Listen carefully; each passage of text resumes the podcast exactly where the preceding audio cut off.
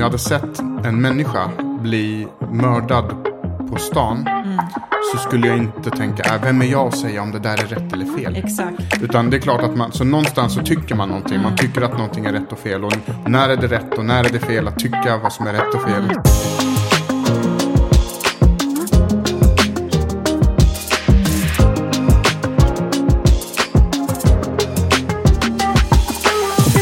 välkommen till Tråd Livsstil. Det är Irena här som pratar. Och Heman här också. Och så roligt att du är med oss idag och lyssnar på det här avsnittet. Det kommer nog bli väldigt, väldigt bra och eh, det känns lite kul faktiskt att vi börjar med någonting nytt nu. Ja, det gör vi. Vi har haft, eh, det här kan man säga, första avsnittet. eh, Eller de första avsnitten vi har haft hittills har bara varit en introduktion. Ja, det stämmer. Det har bara varit, det har varit sex stycken avsnitt plus ett introavsnitt som bara handlat om eh, att definiera vilka, liksom, de här orden som finns i namnet på den här podden. ordet tro och ordet livsstil. Ja, exakt. Men nu har man ju fått eh, klarhet tror jag. Eller vi hoppas det i alla fall. Och jag hoppas att det har varit liksom givande för dig som har lyssnat. Att du känner så här, men jag fick med mig någonting. Inte bara en definition av ordet, utan du fick liksom med dig lite kött på benen så att säga. Ja, det var lite mer än, mer, lite mer än en definition. Ja, det var det faktiskt. Så man får gärna skriva, eh, skicka in och skriva vad, vad man eh, tycker. Och om man tyckte att det var dåligt. Nej. Ja, men kan vi inte göra en sån grej? Typ, tyckte du att det har varit dåligt? Nej, Skriv jag till klarar oss. inte av med sånt där. Alltså det, det räcker med hur livet redan är. Jag tänker så här, om man inte tycker om det, if you don't have nothing kind to say, keep it for yourself. Nej, men eh, alltså väl, om du sitter där och trycker på det och om du, bara om måste. du mår bättre som människa genom att skicka det meddelandet till oss så kan vi väl bjuda på det, Mm. gör det. Men, men helst inte då. Skicka och skriv varning i början. Så läser jag meddelandet innan. Irena gör det. Det får bli ett så här filt filtreringssystem. Ja, precis. Eh, Men Irena, idag så ska vi börja ett eh, nytt eh, minitema kan man säga. Ja. Och det här temat känns väldigt relevant hela tiden. Vi skulle kunna prata om det egentligen när som helst på årets alla dagar. Mm. Vi skulle kunna prata om det för 50 år sedan. Om 50 år så kommer det alltid vara relevant. Och det, det är just det här begreppet om att döma. Det går aldrig ur tiden. Nej, nej. Och, och, och jag tycker att det är ett ämne också där det finns väldigt mycket förvirring kring det. Eh, och att det finns mycket så här korta svar och så vidare. Och att eh, en del tycker ju att man ska absolut inte döma för Jesus sa döm inte. Och några säger att man ska visst döma och så vidare. Ja. Eh, och jag tycker att det, det är lite, lite förvirring kring det. Och idag så kommer vi prata om just det. Att går det att påpeka någons fel utan att döma den personen? Eh, för jag kan ib- ibland, ibland eh, får jag höra det här liksom, ah, vem är jag att döma? Liksom, du får göra precis vad du vill och, och, och så vidare. Precis. Eh, men samtidigt, om jag, hade fått, om jag hade sett en människa bli mördad på stan så skulle jag inte tänka, äh, vem är jag att säga om det där är rätt eller fel? Exakt. Utan det är klart att man, så någonstans så tycker man någonting. Man tycker att någonting är rätt och fel. Och när är det rätt och när är det fel att tycka vad som är rätt och fel och så vidare. Ja, men jag tycker det är så, eh, liksom, det är ett ämne som aldrig går ur tiden på gott och ont på något sätt. För att man kanske inte riktigt har hittat den här balansen mellan vad, liksom, jag vet att det här är rätt, det här är vad Bibeln säger, men hur kan jag yttra min åsikt utan att det ska upplevas liksom kränkande eller dömande. Men å andra sidan så är det ju dömande om man liksom går emot någon annan. Du Ja, vet, så på- det är ju väldigt intressanta Ja, tankar. Så jag, ja. bara, jag bara lyfter på locket så att säga. Precis, och det beror på också hur man, nu är vi inne på det igen, hur man definierar ordet döma. Och, och det finns ju en, en bra, väldigt bra definition eh, på det. Men eh, i eh, det här avsnittet så tänkte jag att vi skulle göra någonting lite annorlunda. Och det är att vi bara ska gå in rakt in i avsnittet. För att vi har pratat alldeles för länge tidigare avsnitt. Eller? Eh, vi, Har vi det? men vi, vi sa att från början så skulle, sa vi att vi skulle prata i 30 minuter. Ja, vi har pratat typ i 40, ibland nästan upp till 50 minuter på Ja, varje. det är för länge kan man tycka. Ja. Eller? Vad, tycker du, vad, vad tycker du? Du som lyssnar. Vad tycker du? Mm. tycker du att vi ska korta ner? Ska vi ha det ännu längre? Eller är det precis lagom? Det, det vore ju kul att höra liksom. Nu, nu får man yttra sin åsikt. Mm. Så skicka till mig. Nej men seriöst, så det vore intressant att få den feedbacken faktiskt. Ehm, så kan man ju försöka anstränga sig i alla fall. När det gäller att korta ner så blir det ju att man får vara lite mer medveten kring tiden. Precis. Mm. Men då tycker jag som sagt att vi gör så att vi går rakt in på temat. Det är ett, eh, ett, ett viktigt tema. Jo men det är det. Det är ett tema som vi alla har funderat på, som vi alla har pratat om, som vi alla har reflekterat kring. Mm. Eh, och temat handlar om att döma andra. Mm. Alltså går det att påpeka någons fel utan att döma? Går mm. det ens att göra det? Mm. Eh, och det ska bli så intressant att prata kring det här, för jag vet att det finns så många olika tankar kring detta. Och vi ska titta på mm. vad, vad Bibeln har att säga. Eh, vi ska titta på vad Jesus själv gjorde. Mm. Och så ska vi försöka liksom eh, lösa den här uh, frågeformuleringen. Liksom, kan vi göra det på det här mm. sättet? Precis, och jag tycker att den här frågan är som en del andra, vissa frågor och tenderar att bli lite så här, äh, man ger ganska enkla svar. Mm. På, eh, och, och, och, kanske är det så att svaret är enkelt, men man kanske inte reflekterat över varför eh, det är på det ena sättet eller det andra. Det är typ mm. typ som när eh, man säger åt sin unge, gör inte det där, och så säger de, varför inte, för att jag säger det, ungefär. Mm. Eh, eller, liksom... eller, den här, mamma, varför får du äta glass igen efter? Bara, jo, för att jag är vuxen. ja, jättehemskt. Mm. Ja, men, och, och, det, och det, det, liksom, det förtjänar eh, att det förtjänar mer uppmärksamhet och att man faktiskt reflekterar och funderar på det. Mm. Eh, för det här med att döma andra, det, det påverkar ändå varje dag. Ja. Alltså varje dag så, när man bara i trafiken så går man och liksom dömer ut andra. Eller, mm. i, eller gör, gör, man det? Är, är, det att döma ut andra? Att säga det där var fel och så vidare. Eller när man sitter och tjurar i en kö och någon håller på för länge i, i, i eh, men det man kan säga eh, generellt är att det påverkar dig och det påverkar eh, personen mm. och det påverkar uppfattningen om, om dig också. Mm. Så det är väldigt... Hur du är som person. Exakt. Och Jesus säger ju i Matteus evangeliet kapitel 7, och det är nog det här som gör ibland att man kan tro att det är så enkelt. Och han säger så här, döm inte, så blir ni själva inte dömda.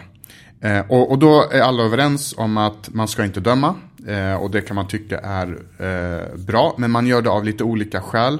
Är man inte troende så kanske man tänker jag ska inte döma. För vem är jag att säga vad som är rätt och fel? Det mm. finns inte rätt och fel. Eh, är man kristen och hör det här så kanske man tänker jag ska inte döma för att jag minsann inte är bättre än någon annan. Eh, och, och, så vidare. Så att vi har liksom olika ingångsvärden. Eh, och så blir den här frågan, men om ingen får döma någon annan, betyder det att alla får göra vad de vill?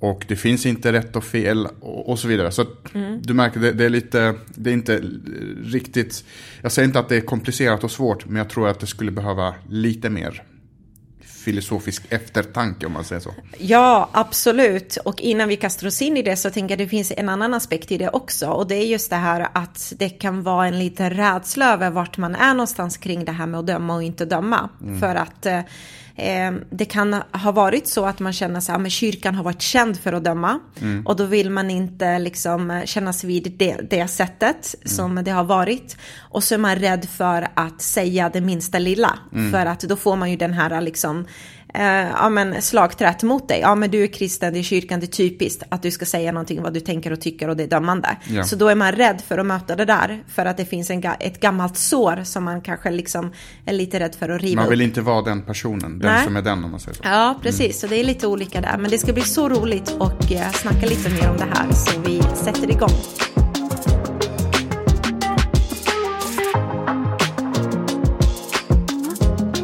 Jag vet inte hur du är som person hemma, men för mig så känner jag så här, ändå om jag ska gå hela vägen så tycker jag ändå det är viktigt att i olika situationer ha en person som säger till mig som det faktiskt är. Alltså det här svartvita eller precis så som det är. För ibland, även om man inte i stunden alltid uppskattar det, så är det det som hjälper mig till att förstå min situation, till att förstå mitt tillstånd liksom. Mm. Eh, och varför jag säger det här är för att jag tänker tillbaka på när det blev lite så här traumatiserande besök, när jag hade en traumatiserad besök liksom hos en hudläkare. Eh, och eh, jag hade ett sår eh, på min mage och jag gick liksom flertal gånger och ingen visste riktigt vad det var.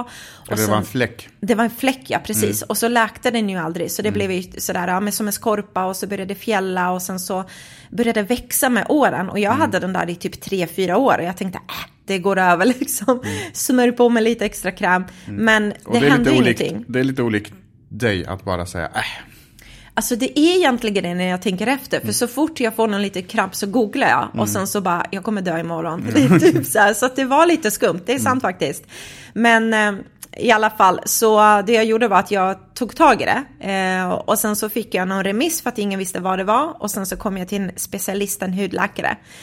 Och eh, jag kommer ihåg, han tittade på det här såret i typ ja, en minut eller några sekunder. Och så sa han exakt så här, han bara, ja, du har cancer. Och så var han tyst, du vet. Och jag bara, alltså det var, det var som om rummet bara stannade. Det var så fruktansvärt jobbigt att höra det där. Och jag var helt, du vet, tusen tankar kom samtidigt. Och jag tänkte så här, Juvelina hon var bara tre år, där satt du. Hur ska det bli med livet? Du vet, alla dessa hemska tankar. Och sen så sa han, men det är ingen elakartad, utan det är en ganska vanlig hudcancer som många svenskar har för att man solar eh, liksom oansvarslöst, eller vad säger man? Ansvarslöst Ansvarslöst. heter det. Inte ansvarslöst. Ansvarslöst såklart. Eh, och han skrämde mig rejält. Eh, men han gjorde det för att jag skulle förstå mitt tillstånd och hur allvarligt det faktiskt var. Så han lindade inte in det. Han tog inga liksom genvägar. Han försökte inte liksom säga, ja ah, men du, det är... Utan han sa som det var. Och sen gav han mig en lösning. Och, och det är så vi vill att det ska vara. Alltså vi vill ju kunna gå till en läkare och så ska läkaren säga som det är. Eh, Och vi vill inte gå till en läkare som säger eh, typ så här. Eh, Ja, men, eller som upptäcker att man har en jätteallvarlig sjukdom som man kanske till och med kommer dö av eh, om det inte behandlas. Och, och, så säger, och så låter läkaren bli att säga någonting för att inte såra dina känslor. Ja. Typ, nej men jag vill inte att Irena ska tycka att hon är, hon är en dålig människa så jag ska nog inte berätta att hon har fått eh, hudcancer. Nej. Eh, för det går ju, bara, bara man vet vad problemet är, så, så i ditt fall så gick det att lösa. Sen, så tyvärr så är det så att för väldigt många så går det inte att lösa Nej. och det är något av det värsta som man kan Verkligen. eh, eh, gå igenom. Men de allra flesta skulle nog hålla med om ändå att jag vill nog ändå veta vad, vad är mitt tillstånd. Eh, och det är det här lite grann som jag tycker att vi går fel och det är varför jag tycker att det här kräver lite mer eftertanke. Och det du berättar är en jättebra bild på hur det kan vara. Att gentemot varandra så är det precis så vi agerar. Alltså vi ser en brist hos någon annan som vi älskar, som vi bryr oss om. Men vi låter bli att säga någonting för att inte såra den här människan. Och den här bristen kanske till och med kan vara en brist som påverkar dem i sitt arbetsliv. De kanske in, eh, blir, inte får något, eh, eller de får jobb men de får sluta hela tiden för att de har den här bristen. Eller det kan vara i, i, sina relationer, de sårar människor till höger och vänster men ingen säger någonting. Och så fortsätter det. Och det där är nästan, blir nästan för mig lite taskigt att göra eh, på det sättet. Eh, sen har vi det här andra och vi ska prata om de här två dikena också. De här som liksom eh, går Gillar omkring, liksom att... eh, som ska säga till alla, Ja, allt och alla. Så, så det är inte det vi är ute efter. Men, men någonstans måste vi ändå hitta en balans där det går att liksom vara öppna mot varandra. Och, jag, och så här, jag säger inte det här för att jag tycker illa om dig eller för att jag vill skada dig. Utan för att jag vill att du ska få en chans att göra bättring. Så. Eh, Och hur hittar man det här eh, och hur funkar eh, det liksom? Och det är det lite grann vi, vi skulle behöva eh, ja, men, djupdyka lite i. Absolut. Och jag tror, jag tror hela liksom, den här frågeställningen kommer hjälpa oss att komma fram till eh, ett svar beroende på hur vi ser på Bibeln och hur vi tolkar liksom Bibeln och hur vi tänker kring vad Bibelns budskap är. Eh, för jag tror att när man läser den här boken, Bibeln som är så gammal, eh, som eh, har så mycket rikedom, som har så många personer som har forskat i den och, liksom, och den har eh, levt eh, genom så många olika granskningar och så vidare. Liksom. Eh, så finns det liksom tre sätt skulle man kunna säga att se på Bibeln eh, när du läser den och när du liksom grottar dig i den. Eh, det ena gruppen, så det finns liksom tre olika om jag nu ska hårdkategorisera. Så den ena gruppen är ju de här personerna som tänker så här, men Bibeln, Guds ord, det är liksom Guds felfria ord till oss, det är helt perfekt. Eh, det är liksom, så här är det bara. Eh, det är ingen som ska ta på det, ingen som ska rubba på det, ingen som ska ändra någonting, utan det här är det. Sen finns det eh, grupp nummer två, och de människor som tänker så här, jo men liksom det är ändå människors ord om Gud. Mm. Eh, och visst, det kan ju vara så att Gud har inspirerat och så här, men det är ändå människors ord om Gud och därför är det inte helt perfekt. Mm. Så därför kan man ju kika lite på vissa områden och tänka, ah, men det är ändå människors tankar, liksom, mm. eller människors åsikter. Men man tar inte lika tungt på det. Ja, men precis. Mm. Och så har man nummer tre, och då är, då är det en liten kombination, kan man säga, av den här första gruppen och av den här andra gruppen. Och det är att att man liksom kommer fram till sådana slutsatser att ja, men vissa delar är helt perfekta, felfria och vissa delar är lite operfekta. Vi kan liksom tweaka lite här, vi kan ju lägga till lite vår tids liksom, mindset i mm. det hela och så liksom kommer vi fram till det som är vår sätt att tänka idag. Mm. Och den, den, här tredje som du beskriver nu eh, känns lite grann som att den är ganska vanlig. Mm. Jag, jag, vet inte om du skulle säga, jag har ingen statistik på om det är det vanligaste, vilket av de här tre som är det vanligaste. Men att det är ganska vanligt att inte ha bestämt sig, är det här Guds ord fullt ut eller ja. är det här människors ord om Gud? Mm. Eh, eh, och då plockar man lite och, och, och, och, och tar. Mm. Och det kan ju också göra ens bibeltolkning lite um, okonsekvent. Mm. Eh, ena gången så eh, är man väldigt hård på ett, sätt och, så, mm. och, och självsäker men på andra så eh, böjer man lite på det och, ja. och är lite mer flexibel så att säga med, mm. med hur man eh, hur man läser eh, det här. Mm. Och det kan lite grann bli, och det jag tycker är problematiskt med det blir ju också lite att när vi läser Bibeln eh, så blir det lite grann så att det blir upp till mig själv. Lite så här, hmm, ja, men det här är sant, det här är inte sant, mm. det här vill jag tro på, det här vill jag inte tro på. Det kan vara så här, men Gud, Gud älskar mig, Gud älskar alla människor.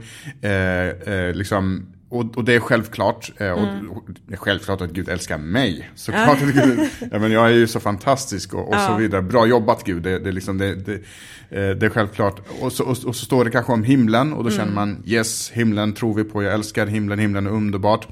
Men sen så läser vi också om helvetet. Och, det, och då, då, är det inte lika kul. Nej, då, då blir det genast inte lika kul. ja. och, utan, och så den, den stryker vi, den vill vi liksom inte ha. Eh, kanske så läser vi någonting om vad Gud tycker om, om eh, vårat mänsklighetens, liksom, eller mitt sexliv. Eh, ja, men Gud menade säkert inte så, originaltexten sa någonting annat.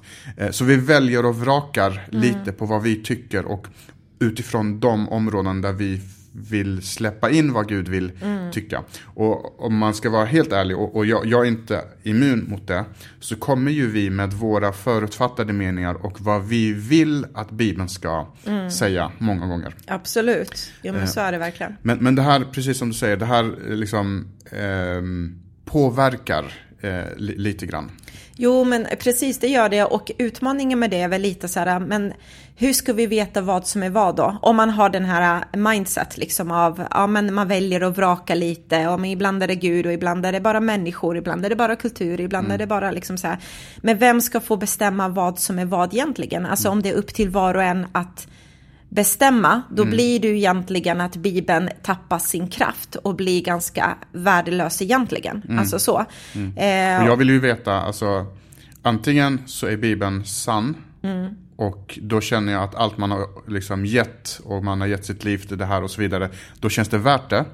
Eller så är det inte sant och då, då vill jag veta det för att då mm. vill jag lägga av med det. För då, alltså, det, då är det inte intressant längre att, att, att hålla på med det här. För att då är det inte Gud som har sagt. Eh, då värdesätter jag Paulus ord eller Jesus ord som vilken annan människa som helst. Mm. Eh, men nu gör ju inte jag eh, det. Eh, utan, och, och, och det, vårt förhållningssätt är ju att vi är ju de här nummer ett. Vi tror att Bibeln är Guds ord. Ja. Att den är perfekt. Eh, och att det Gud vill ha sagt, det har han sagt i, eh, i Bibeln. Eh, och att det är vårt ansvar att berätta hela Bibelns budskap utan filtrera bort de delar som vi känner oss eh, obekväma med. Mm. För annars så blir det lite som du berättade här med, annars blir man den här läkaren som eh, har en patient och så säger man sanningen till den, men så har man en annan patient och för att inte såra dens känslor eller för att inte göra den ledsen så säger man Så lindar man in så, så det man in det, eller så inte. låter man bli helt och säga det här, ja. det här är, du, du, har råkat riktigt illa ut och så, och så blir det ännu värre av det. Mm. Ja men precis. Och jag tänker tillbaka till det här att alltså vi förhåller oss till Eh, om man tänker lite till svensk lag. Liksom. Eh, tänk om svensk lag var uppbyggt på det här sättet. Att, att det var lite upp till var och en liksom, att bestämma lite vad man tycker är korrekt och inte korrekt. Mm. Eh, så skulle den ju liksom bli helt eh, ja, men det skulle bli helt tokigt liksom, kring det. Om mm. var och en fick själv bestämma vilka lagar som var korrekta eller inte. Mm. Utan någonstans så behöver man förhålla sig till en bok och så mm. behöver man i så fall liksom eh, processa vissa saker som man tycker är svårt i den boken. Mm. Istället för att liksom plocka bort olika delar. Precis, ja, men då är det bättre att bara säga, nej men jag tror inte Bibeln är Guds ord och bara ta det åt sidan. Mm. Eller säga, men det här är, och lite på samma sätt med liksom, lagen. Jag tänker vara en um, Eh, en lydig eh, medborgare och, mm. och lyda det som står i lagen för att jag tror vi har liksom bestämt att de här ska stifta våra lagar och vi tror att de här lagarna är bra tills något annan lag kommer. Mm. Eh, eller så väljer jag att inte bry mig om lagarna. Mm. Och jag gör liksom ingen vidare koppling kring det. Men då blir jag en, en brottsling i princip. För att mm. då, då vill jag inte följa. Så att det är ju det, det, är ju det ena och, eller det andra. Och att befinna sig i gråzonen kan bli lite, lite problematiskt. Ja.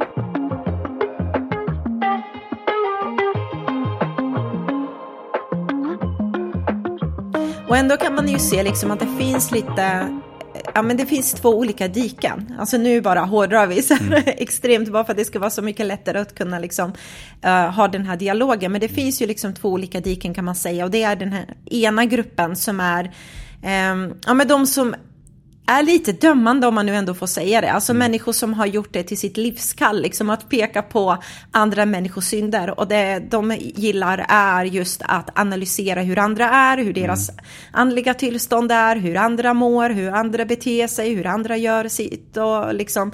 Mm. Eh, och de personerna kan oftast påminna om just fariséerna i Bibeln. Mm. Eh, och det är ju människor som är kunniga, människor som vet vad som är rätt eh, och korrekt. Mm. Men som människor också som liksom har totalt oförståelse för andra människors processer eller för andra människors vägar i att Gud håller på att jobba på vissa saker i deras liv och så vidare. Mm. Utan man vill ha resultatet ganska direkt så som man anser att man själv kanske har. Mm, exakt, och, och jag tror att det är just den typen av personer som kanske också har gjort att vi har kastat ut barnet mm. med barnvattnet. Ja. Alltså där vi säger du ska absolut inte, det, det är helt eh, liksom förbjudet att döma någon. Ja. Eh, och det, det, kommer vi komma fram till att det faktiskt är det. Men, men det finns ett annat sätt att göra det. Och det vi kommer mm. till det, vi håller, vi ja. håller den här spänningen. Men att då får vi lite avsmak av det. Så vill vi inte Vi vill inte vara som de här människorna som kastar sten på andra, som bara påpekar andra mm. och andras fel och brister och så vidare. Och, och det, det, vi vet är ju att Bibeln säger att vi har något som kallas för den heliga ande. Mm. Som det, det är den heliga ande som ska överbevisa oss om synd. Mm. Det är inte den heliga Anita eller den heliga Anders som ska springa runt och, och, och, och, döma. Så att där har du, ja precis, det är mm. ena diket. Ja men det är ena diket. Och sen har vi det andra diket. Det är de här, precis som du säger, på grund av rädslan, på grund av tidigare erfarenhet, på grund av kanske också om man nu ska vara helt ärlig, att man har sett andra människor fara illa när de här dömande personerna har varit liksom, du vet, igång och gjort mm. saker så att det har skadat människor och sårat människor. Mm. Så är man i det här diket där man aldrig vågar prata om vad som är rätt mm. och vad som är sant. Man pratar aldrig om synd, man vågar inte säga ordet synd utan man säger misstag och så ska man säga men alla gör vi det. Mm. Du vet så här att det alltid blir liksom den dialogen. Mm. Eh, och eh, det är just den här motiveringen om att vi absolut inte ska vara dömande och mm. därför så är det inte viktigt att prata om just synden. Mm. Eh, och det är lite så här, det finns en viss sanning i det att Jesus säger att vi ska inte döma. Mm. Eh, eller han, han, han, säger ju faktiskt att vi kan döma, men först så behöver vi plocka bort liksom bjälken i vårt eget öga så att jag kan se klart från mitt eget liv liksom och mm. se om hur är jag då? Vad har jag för problem? Vad har mm. jag för issues? Och sen när jag har sett det, då kan jag med kärlek och med ödmjukhet faktiskt våga prata med någon annan också Exakt. när just, det finns ett förtroende. Och där precis det här eh, andra diket då, eh, då man liksom, som du sa, man kallar inte synd för synd. Men mm. att inte döma betyder inte att vi inte längre får kalla synd för synd. Exakt. Eh, och det finns en anledning eh, till det. Och då kan man undra, men hur ska man förhålla sig? Okej, okay, men det här är två diken, vi vill inte hamna i diken, vi vill hålla oss mitt på vägen. Mm. Och hur gör man då att, genom att hålla sig mitt på vägen. Eh, och då tänker jag så här. Och det här har hjälpt mig jättemycket att förstå hur jag ska liksom förhålla mig till det här. Eh, och för mig så blir det väldigt enkelt när jag tänker på det här sättet. Då jämför jag kristen tro, jag jämför Bibeln med svensk lag. Mm, vi var lite inne på det innan där. Precis. Eh, och svensk lag definierar ju vad som är lagligt och vad som är olagligt. Vissa mm. saker får du göra, vissa saker får du inte göra. Eh, man får inte kissa utomhus till exempel. det var faktiskt nytt för mig, jag hade ja. ingen aning om det. Då kan, ja, då kan man få böter. Kan man eh, ja, så det finns liksom olika så här lagar som man ska följa. Och, och, och det finns någon som har talat om för oss vad som är, är rätt och vad som är fel, vad som är lagligt och vad som är olagligt. Sen är det då så här, sen är, det, sen är vi medborgare. Mm. Och alla medborgare, alla människor i ett samhälle eh, får och bör påpeka vad som är lagligt och vad som är olagligt. Mm. Så vi ska inte bara sitta med armarna i kors och låta ondska ske eller brott begås utan att vi reagerar. Mm. Vi kan inte eh, göra det. Men i Sverige så finns det ett rättssystem och i svenskt rättssystem så får inte vem som helst fälla en dom. Så mm. jag kan inte gå ut på stan och se någon eh, gör, begå ett brott och så ska jag döma dom, eh, domen över, fälla domen på den här personen. Ja. Och säga nu ska du dömas till två års fängelse. för jag har, jag har liksom inte det mandatet utan den som fäller domen det är ju en domstol. Mm. Eh, och precis på samma sätt så är det med, eh, med Bibeln och med krist, den kristna tron att du och jag får och bör i, eh, i, under rätt förutsättningar och vi kommer gå in på vilka de förutsättningarna är. Eh, påpeka vad som är synd och inte. Ja. Eh, men när vi gjort det så är det inte vår uppgift att döma, det vill säga fälla den här domen. Så med andra ord så ska vi bedöma vad som är rätt och fel, men det är inte vår uppgift att, att döma. Just det, precis.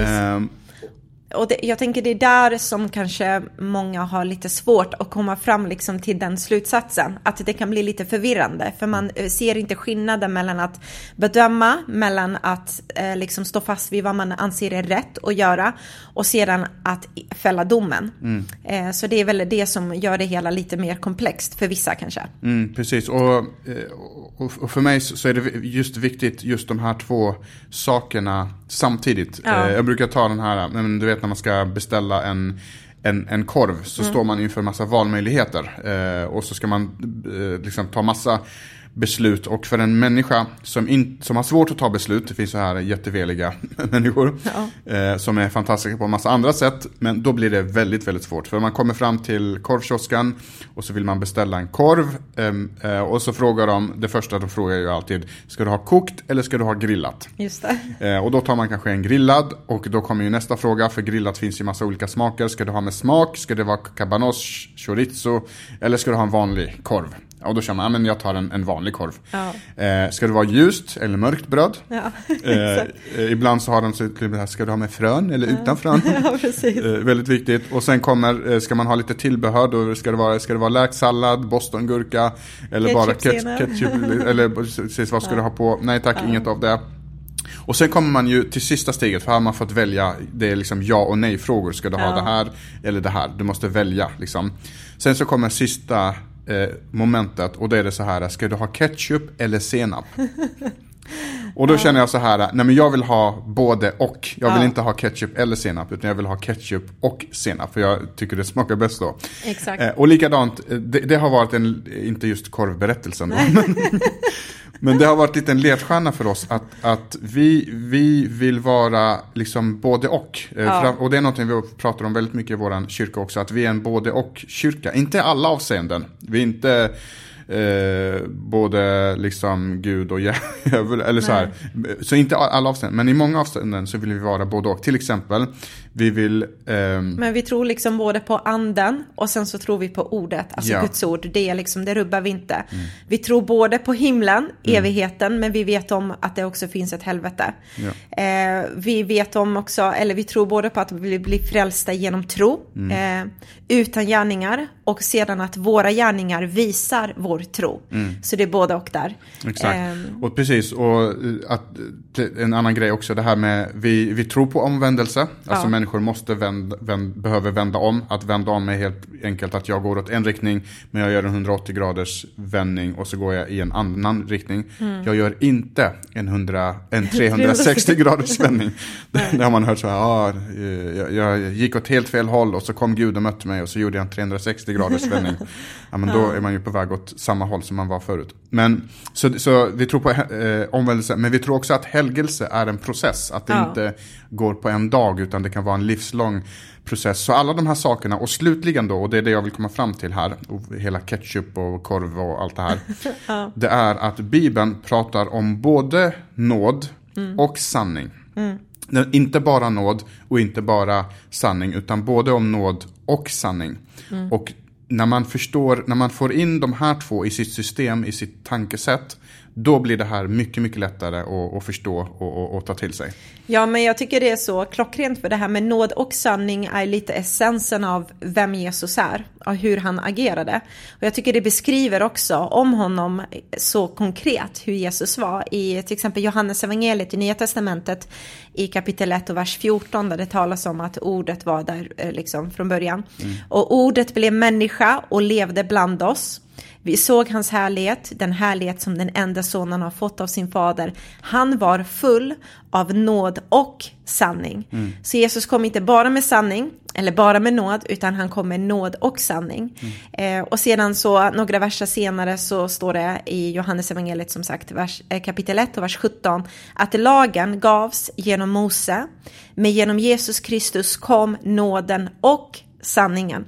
Så där är det igen det här både och, både Guds nåd och både Guds sanning. Mm. Och vad det är som gavs, det var ju lagen. Vi pratade nyss om svensk lag, men det finns också i Bibeln finns det också en, en lag om vad som är rätt och fel. Du ska inte mörda, du ska inte göra de här olika sakerna. Och, och också vad du ska göra, inte bara vad du inte ska göra.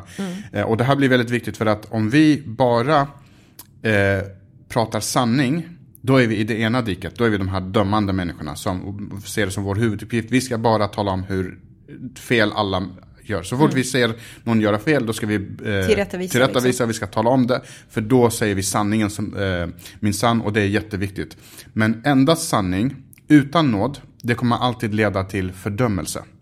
Människor kommer känna sig fördömda och evangeliet, de glada nyheterna, det kristna budskapet är ett botemedel mot fördömelse. Fördömelse kommer från djävulen, det är han som attackerar, det är han som eh, vill fördöma, det är han som eh, eh, vill anklaga oss. Men evangeliet är botemedlet mot det. Men nåd utan sanning leder åt, åt, åt andra hållet, då leder det till flum. Alltså det blir bara Otydligt. otydligt, det blir, det, blir, det blir ingenting. Vi talar inte om att människan är sjuk och behöver, va- och, och vad som åtgärden är för att få bort den här cancerfläcken, om man tar den eh, liknelsen. Eller vad, liksom vad som är rätt och fel så att folk gör, hamnar fel helt enkelt. Eh, och, och det är inte så kärleksfullt eh, det heller. Nej, jag skulle vilja lägga till också, jag tänker så här själv, eh, om man endast är i sanning-kategorin utan nåd så blir man också, självklart leder det till fördömelse, jag håller med dig i det. Men vad gör det med dig som person? Eh, jo, det gör att du blir väldigt stolt. Alltså du, blir, du sätter dig på liksom, en högre piedestal än alla andra också. Precis, och det kommer vi prata om lite mer om i, nä, nästa Ja, avsnitt. jag ska lite, hålla mig. men lite vad det handlar om. Så, så, eh, så en fråga som jag ställer mig då, för att det är en sak i teorin. Eh, Det är ketchup och senap, det är nåd och sanning. eh, Det är inte det ena eller det andra, vi måste få både och. Men hur ser det ut i teorin, och, eller i, i praktiken? Och lite det, det du inledde med, att går det att påpeka någon annans fel utan att döma den personen? Eller är det här liksom två saker som strider emot varandra? Ja, och jag tycker att det bästa exemplet som vi kan liksom ta fram i den här i det här samtal, samtalet är ju Jesus själv såklart, alltid. Men han får ju bli liksom vårt ultimata exempel och det finns ju en händelse som många plockar fram från faktiskt egentligen båda diken. Mm. Eh, men det finns en både och sanning i den här storyn. Mm. Och båda tar fram den här eh, ja. och så vill de lyfta fram sitt. För Exakt. det är två saker som händer samtidigt. Men Precis. den ena vill lyfta fram det ena och den andra vill lyfta fram det andra. Precis, mm. men den, den, ultimata sanningen är både och där. Mm. Men i Johannes evangeliet i kapitel 8 och från vers 1 till 11 så kan man läsa en händelse där Jesus är bland folk och han sitter, sätter sig ner där och undervisar dem och sen så kommer de skriftlärda och fariséerna med en kvinna släpandes mot Jesus inför den här folksamlingen. Och vad de har gjort med den här kvinnan är att de har tagit henne på bar gärning när hon hade sex med en annan man som mm. inte var hennes man. Mm. Så de kikade, såg när de hade själva akten och när de satte igång där så bara aha, nu fick vi dig, liksom mm. mitt i synden när du höll på. Så släpper de ut henne, förnedrar henne på det sättet och så säger de till Jesus, Mose lag säger att sådana ska stenas. Vad anser du? Mm. Här så kommer de med den här sanningen. Okej, lagen säger till oss att det som hon har gjort är fel och lagen säger till oss att vi ska döma henne och det är det som är det sanna, att hon ska stenas. Mm. Så vad säger du liksom? Och så vet man händelsen där, att Jesus fortsätter och tittar ner, han böjer sig ner och så skriver han på marken där med, med fingret och ändå så kräver de ett svar av Jesus och bara du, liksom nu vill vi att du ska stå upp för vad du faktiskt tror på. Mm. Är du för lagen eller är du en hädare i princip? Mm. Alltså lite så. Och så säger han de här berömda orden att den av er som är utan synd ska kasta den första stenen på henne. Och sen så böjer han sig ner igen, fortsätter att skriva på marken och så hör han hur en och en sten efter sten bara droppas av. Och de äldste liksom går först. Mm. Och till sist så är det bara kvinnan som är kvar där och så står hon framför Jesus. Mm. Och så säger han de här orden till henne. Och då tittar han upp på henne och så säger han kvinna, vart tog de vägen? Mm. Var det ingen som dömde dig? Och så svarar hon, nej herre, svarar hon. Då sa Jesus, jag tänker inte heller döma dig. Gå nu, men synda inte mer. Mm. Så här så ser vi andra kategorin där Jesus visar nåd. Mm. Men det stannar inte bara att han visar nåd. Utan han säger något annat också till henne. Och han säger den här sanningen till henne. Gå och synda inte mer. Mm. Och precis, och det är det, just de här två sakerna som de olika grupperna i de olika dikena lyfter fram. Den ena vill lyfta fram att Jesus sa gå, jag dömer inte dig, mm. Jesus dömer aldrig. Eh, och de andra vill lyfta och säga, men han sa till henne gå och synda, eh, inte mer.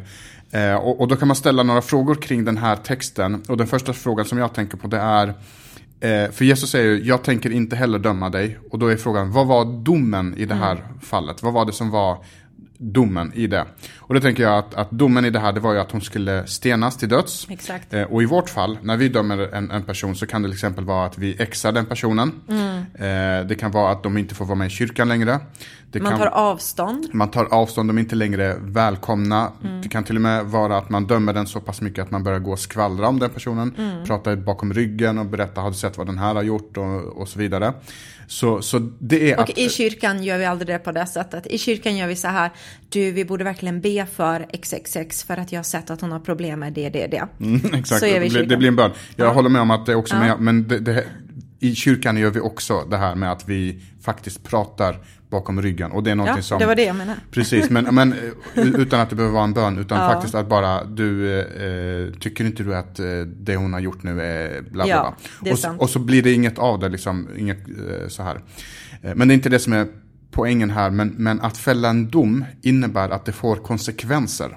Så om jag ser någon kissa utan, utanför så har jag förstått att det är någon böter på det, typ 500 spänn eller vad det är att, att jag dömer den människan betyder att jag går fram till den människan och skriver en bot och säger mm. nu, är du, nu ska du betala 500 kronor. Mm. Och det kan jag inte göra. Vi kommer gå in på, lite mer på varför jag inte kan, kan göra det. Men den andra frågan är, påpekade Jesus att hon hade syndat? Mm. Och, och, svaret på det skulle jag vilja säga, ja men det gjorde han, för han sa ju gå och synda inte mer. Det vill säga det hon gjorde var en synd enligt, enligt Jesus. Så, eh, så, så, han får med båda eh, de här eh, två. Och sen det tredje då, visade Gud kärlek, alltså Jesus, visade han kärlek och nåd. Och då skulle jag vilja säga ja till 100% för han stod upp för henne inför alla och han förlät henne eh, det hon hade gjort. Mm. Och det är mm. just det här, det är både och. Exakt. Jesus sa sanningen, det här var inte bra, du kan bättre. Eh, men gå och synda inte mer, gå och gör inte det här mer och Jesus vet att det här är en process. Ja, verkligen. Ja. Och, och, och, om man skulle sammanfatta det här, vad var det Jesus gjorde sen efteråt då för henne? Jo, mm. han gick och gav sitt liv för den här kvinnan. Mm. Lika mycket som han gjorde det för mig och för dig och för alla de andra rättfärdiga som ansåg sig vara rättfärdiga i sig själva. Även för dem dog Jesus. Precis. Eh, och, eh, ja. ja. precis. Och om man ska då sammanfatta, men hur ska du och jag förhålla oss till det här? Ja, men ska vi, går det att påpeka någon synd och, utan att döma? Ska vi döma? Ska vi bara låta alla göra vad de vill? Ska vi lita på ett svenskt osjälviskt sätt säga, nej men vem är jag att döma någon? Alla får göra precis vad, vad, de vill. Du får gå med din cancer om du vill. Jag ska inte säga att det där är rätt eller fel eller eh, eh rätt eller fel ska man inte säga, men att, att det är eh, bra eller dåligt att du har det och inte påpeka. Mm. Då skulle jag vilja säga så här och sammanfatta det med det här att du och jag som kristna är kallade att älska människor sanslöst och att säga sanningen. Mm. Alltså älska sanslöst och säg sanningen. När vi gör dem i den ordningen, för det är just det som händer här, att det, det är i den ordningen det sägs att eh, nåd och sanning, inte sanning och nåd, inte först så ska jag säga sanningen, sen ska jag lind, eh, linda om dig och, och, ta hand om dig, utan först så ska jag älska. Först mm. så ska jag stå upp, det var det Jesus gjorde, han stod upp för henne, han dog på henne på, eh, för henne på korset. Därefter kunde han säga sanningen, när han hade stått upp för henne och visat henne nåd och kärlek. Ja, exakt. Och det är då man är liksom på något sätt kvalificerad eller har någon slags rätt till att faktiskt gå fram till en person och säga du, jag ser att det är det här, på vilket sätt kan liksom, eh, jag vara din vän och hjälpa dig i detta eller liksom mm. adressera vissa saker och så vidare. Mm. Men det är verkligen först när, inte bara när man själv känner, nej men jag är snäll och jag har visat kärlek liksom, mm. utan att det ska vara ömsesidigt, den personen ska känna så här, du älskar mig genuint, du bryr mm. dig om mig genuint, du har stått upp för mig även när jag har varit svag eller även när jag liksom har sjabblat bort det så har du varit min vän. Mm. Och i en sån vän jag lovar dig, har du en sån vän, då är du öppen i ditt hjärta för att du Alltså jag vet att jag verkligen har gjort bort mig rejält, jag vet att jag har problem med det här, jag vet att jag har synd med det här, men stå med mig i detta, jag söker hjälp eller jag vill bättras eller jag vill liksom mm. åtgärda det här. Mm. Alltså då är blir det aldrig ett problem. Jag tror problemet det blir just när det är människor som inte känner någon, där man fullständigt inte lägger en enda energi i form av omtanke, kärlek, att man är utgivande, att man investerar tid i den människan, utan det enda man vill föra fram är sin sak, du ser synd hos någon annan mm. och det kickar igång någonting hos dig. Du tycker det är härligt att adressera mm. hos någon annan. Peta i någon annans eh, sår. Mm. Eh, och det är superbra det, det eh, du säger just det här om att älska, älska sanslöst och säga sanningen. Och att säga sanningen i det här fallet är inte att döma. För att döma är att ge den här situationen konsekvenser. Det vill säga, jaha, typ så här, jag älskar dig, jag har älskat dig, jag har gjort saker för dig. Och nu säger jag sanningen. Men bara så att det på grund av att det du har gjort så är du bannad nu från den här platsen. Mm. Hänger du med? Mm. Alltså, så, så, så, även när vi säger sanningen så, så, så ska vi inte döma för den slutgiltiga domen. Vi har bara en domare och det är våran fader i himlen. Mm. Det är han som kommer döma eh, allt levande och vi kan inte göra det. Eh, och det kommer vi prata lite mer om i, eh, i nästa avsnitt. Eh, och eh, liksom varför kan man inte döma? Vad är det som gör att man inte kan det? Så att vi inte får bara det här svaret. Du kan inte, punkt mm, slut, acceptera det. Nej. Det ska vi prata lite mer om, så um, vi avrundar på det här sättet och uh, jag hoppas att du fick med dig um, ganska mycket här utifrån den här berättelsen om Jesus och uh, den här kvinnan. Mm. Uh, och ja, ja, men vill du lägga till ja, något men, mer? Det, det vore väldigt spännande för att jag, jag är ju intresserad av att som sagt reflektera kring det här. Så jag är intresserad av att höra vad du som lyssnar tycker och tänker kring det här. Har det här varit en ögonöppnare? Håller du med? Håller du inte med? Finns det andra perspektiv som jag och Irena kan eh, lära oss av? Så skriv det till oss eh, och du hittar oss på Tro livsstil på Instagram på mm. det kontot. Yes, där är vi som mest aktiva. Eh, så skicka där och så eh, dela gärna också avsnittet om du känner så här, men du det här var riktigt bra, liksom första avsnitt i det här temat av två avsnitt. Eh, så lyssna gärna på det och eh, dela med dig och om det är så att du har lyssnat på oss ett tag men inte har skrivit någon recension så får du faktiskt gärna göra det. Eh, för det eh, tror jag podden kommer må bra av, att få lite kärlek. Om man har podcaster-appen. Ja, mm. det är det. Mm. Superbra, men då säger vi så. Så får vi tacka för den här gången yes. och så syns vi igen om en vecka. Det gör vi. Ta hand om dig. Hej då!